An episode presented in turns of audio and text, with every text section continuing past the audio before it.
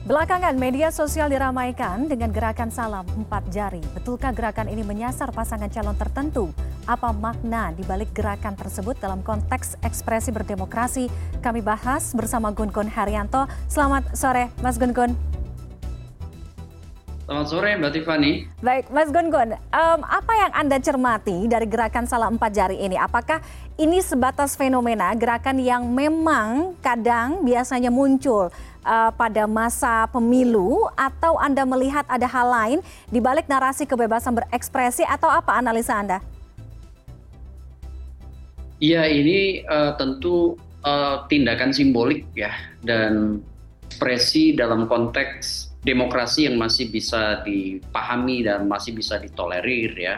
Kenapa? Karena ini kan uh, bentuk uh, namanya itu simbolik convergence kalau istilah akademik itu atau proses berbagi kesadaran yang dibagikan ke halayak luas melalui satu sistem simbol tertentu dan setiap pemilu itu pasti ada ya gerakan seperti ini ya mulai dari mungkin di era orde baru misalnya gerakan golput gitu ya atau misalnya di 2019 hashtag 2019 ganti presiden misalnya. Uh-huh. Nah sekarang yang cukup menyedot perhatian belakangan dalam beberapa hari ini yaitu salam empat jari. Salam empat jari itu uh, kalau kita lihat inisiatornya kan menjelaskan tuh cukup rinci bahwa ini adalah satu plus tiga plus kita begitu ya. Artinya memang ini satu gerakan perlawanan simbolik untuk tidak memilih paslon nomor dua yang kemudian diasosiasikan sebagai bagian dari politik dinasti ya karena mungkin uh, kalau saya perhatikan ya konteks keluarnya gerakan ini kan setelah Pak Presiden Jokowi mengeksplisitkan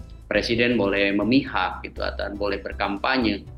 Sehingga ini bisa dikatakan sebagai sebuah respons ya dari netizen yang tentu sebagian di antaranya inisiator-inisiator uh, yakin uh, sangat terbiasa dengan uh, gerakan uh, politik simbolik begitu ya. Dan dan ini menurut saya bagian dari uh, freedom of expression gitu ya. Dan dan dan wajar masih masih bisa diter dan biasa terjadi di berbagai belahan dunia yang kemudian menganut sistem demokrasi. Jadi ya kalau misalnya apakah efektif atau tidak akan sangat bergantung pada bagaimana meresonansikannya dan bagaimana menggaungkannya serta bagaimana bisa menyentuh aspek emosional dan fungsional dari netizen dan juga halayak luas uh, di dunia offline-nya. Ya, kalau kalau saya perhatikan ya, ini ini jadi semacam uh, gerakan yang kemudian jelas eksplisit menolak 02 ya. Uh -huh. uh, soal misalnya apakah kemudian nanti jadi uh, insentif elektoral bagi pasangan 01 atau bagi pasangan 03 uh, akan kita lihat dinamika kelanjutannya tetapi menurut saya ini juga akan berpotensi ya untuk kemudian uh, memalingkan perhatian terutama mereka yang belum menentukan pilihan uh, yang kemudian di antara uh, mereka itu adalah kelompok kritis untuk kemudian mempertimbangkan tidak kosong bisa 01, bisa 03. Dan ini juga sekaligus bisa menjadi prakondisi untuk kemudian memastikan uh, tidak adanya kekuatan masif eksesif di pemilu putaran pertama begitu untuk kemudian akhirnya uh, pasangan 02 bisa memenangi satu putaran dan artinya harapan dari mungkin para inisiator gerakan ini uh, uh, ada semacam ruang nanti di mana kalau kedua itu berlangsung ya kemudian paslon nomor satu dan paslon nomor tiga itu bisa kemudian menjajaki proses-proses kerjasama politik. Oke, okay. Mas Gun Gun, um, gerakan seperti ini apa anda lihat implikasinya? Apakah ini bisa menjadi big wave gitu ya ke depannya sehingga bisa mengubah um, seperti apa um, tujuan atau maksud awal dari gerakan ini satu plus tiga uh, kemudian kalau tadi mungkin tadi eksesnya anda lihat um, atau anda cermati bisa saja ini untuk para pemilih yang masih swing voter atau masih yang belum menentukan pilihan juga bisa ikut andil dalam bagian ini. Nah implikasi panjangnya seperti apa Mas Gun Gun? Ya implikasinya yang jangka pendek 14 Februari tentu ini bisa menambah bobot mereka yang uh, tidak menghendaki ya uh, pemilu itu dimenangi satu putaran terutama oleh paslon 02. Saya lihat sih target jangka pendeknya itu begitu ya. Okay. Kalau target jangka panjangnya tentu bisa kemudian uh, proses inisiasi-inisiasi ini bisa aja memersuasi pertemuan atau perjumpaan politik ya di, uh, di antara pasangan calon uh, non uh, 02. Uh, artinya begini, kalau seberapa signifikan pengaruhnya menurut saya akan sangat ditentukan hal pertama narasi yang didengungkan atau diresonansikan oleh para inisiator salam empat jari ini jangan sampai kemudian justru mm-hmm. ya uh, uh, tadi apa bukan melahirkan uh, gelombang besar ya uh, dalam konteks misalnya uh, masuknya basis pemilih ke 01 malah bisa aja kalau tidak atau salah persepsi okay. ya akhirnya kemudian tidak memilih dari tiga pasangan calon yang ada gitu kan. Karena apa? Simbol dari itu kemudian tidak ada di uh, uh, kartu suara. Ah, ini ya, jadi ke kepandian untuk menarasikan gerakan uh, empat jari ini, salah empat jari ini sebagai bentuk perlawanan terhadap 02 itu benar-benar harus padat, tepat, dan kemudian mudah oleh terutama gen milenial dan gen Z yang memang proporsinya besar dan mereka adalah digital native. Itu yang pertama soal narasi. Mm -hmm. Kemudian yang kedua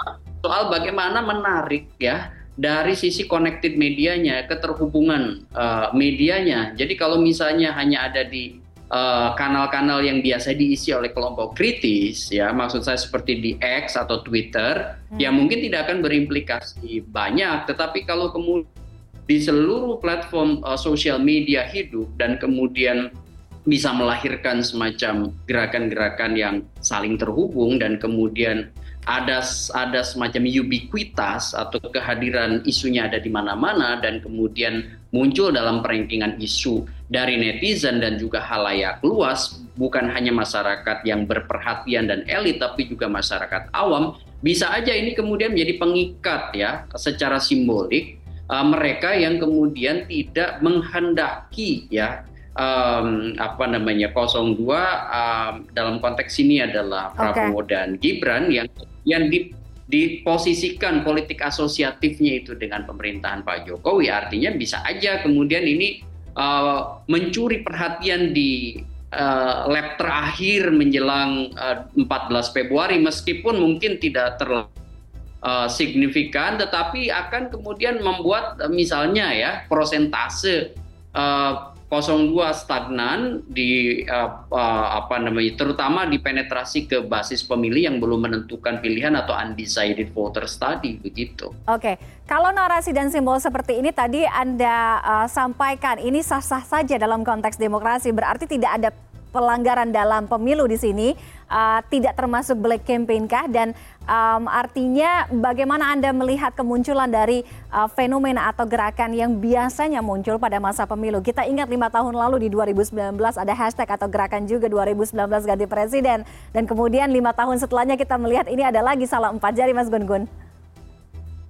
Ya ini jelas bukan pelanggaran ya. Ini bagian dari sesuatu yang normal dan biasa terjadi dan uh, uh, kemudian diperhatikan kenapa? Karena biasanya gerakan-gerakan seperti ini uh, akan memiliki yang disebut dengan uh, upaya persuasif pengaruh persuasif terutama ke mereka yang uh, setiap hari uh, berinteraksi dengan media uh, sosial. Okay. uh, terutama dari kalangan digital Nah, kalau kemudian uh, kita tempatkan posisinya dalam konteks demokrasi, kan memilih dan tidak memilih di konteks pemilu Indonesia itu kan hak ya, bukan kewajiban. Dan hak itu diserahkan kepada siapa sebagai bentuk mandat demos ya, untuk kemudian nanti memandatkan kekuasaan kepada siapa pun itu kan juga menjadi hak dari warga negara yang berdaulat gitu. Jadi uh, bagi saya ini sebenarnya normal-normal saja. Uh, bisa jadi kemudian ini juga uh, menjadi serius gitu ya kalau kemudian memang ada ada upaya tadi mengorkestrasi ya uh, opini yang berpengaruh pada persepsi halayaknya. Nah, kalau okay. kemudian itu bisa menyolidkan gitu ya, menyolidkan persepsi di antara masyarakat yang masih bimbang dan belum menentukan pilihan, bisa saja mencuri poin di akhir gitu di lap terakhir untuk kemudian membuat pasangan yang di, dikampanyekan untuk tidak dipilih itu uh, tentu prosentasenya menjadi stagnan dan tidak bisa mencapai 50% plus satu dan artinya membutuhkan putaran kedua. Oke. Okay. Gitu. Baik, terima kasih Mas Gun Gun Haryanto atas analisisnya uh, di CNN Indonesia Connected sore hari ini. Uh, kita akan diskusi lagi ya nanti di lain waktu ya. Selamat sore sore.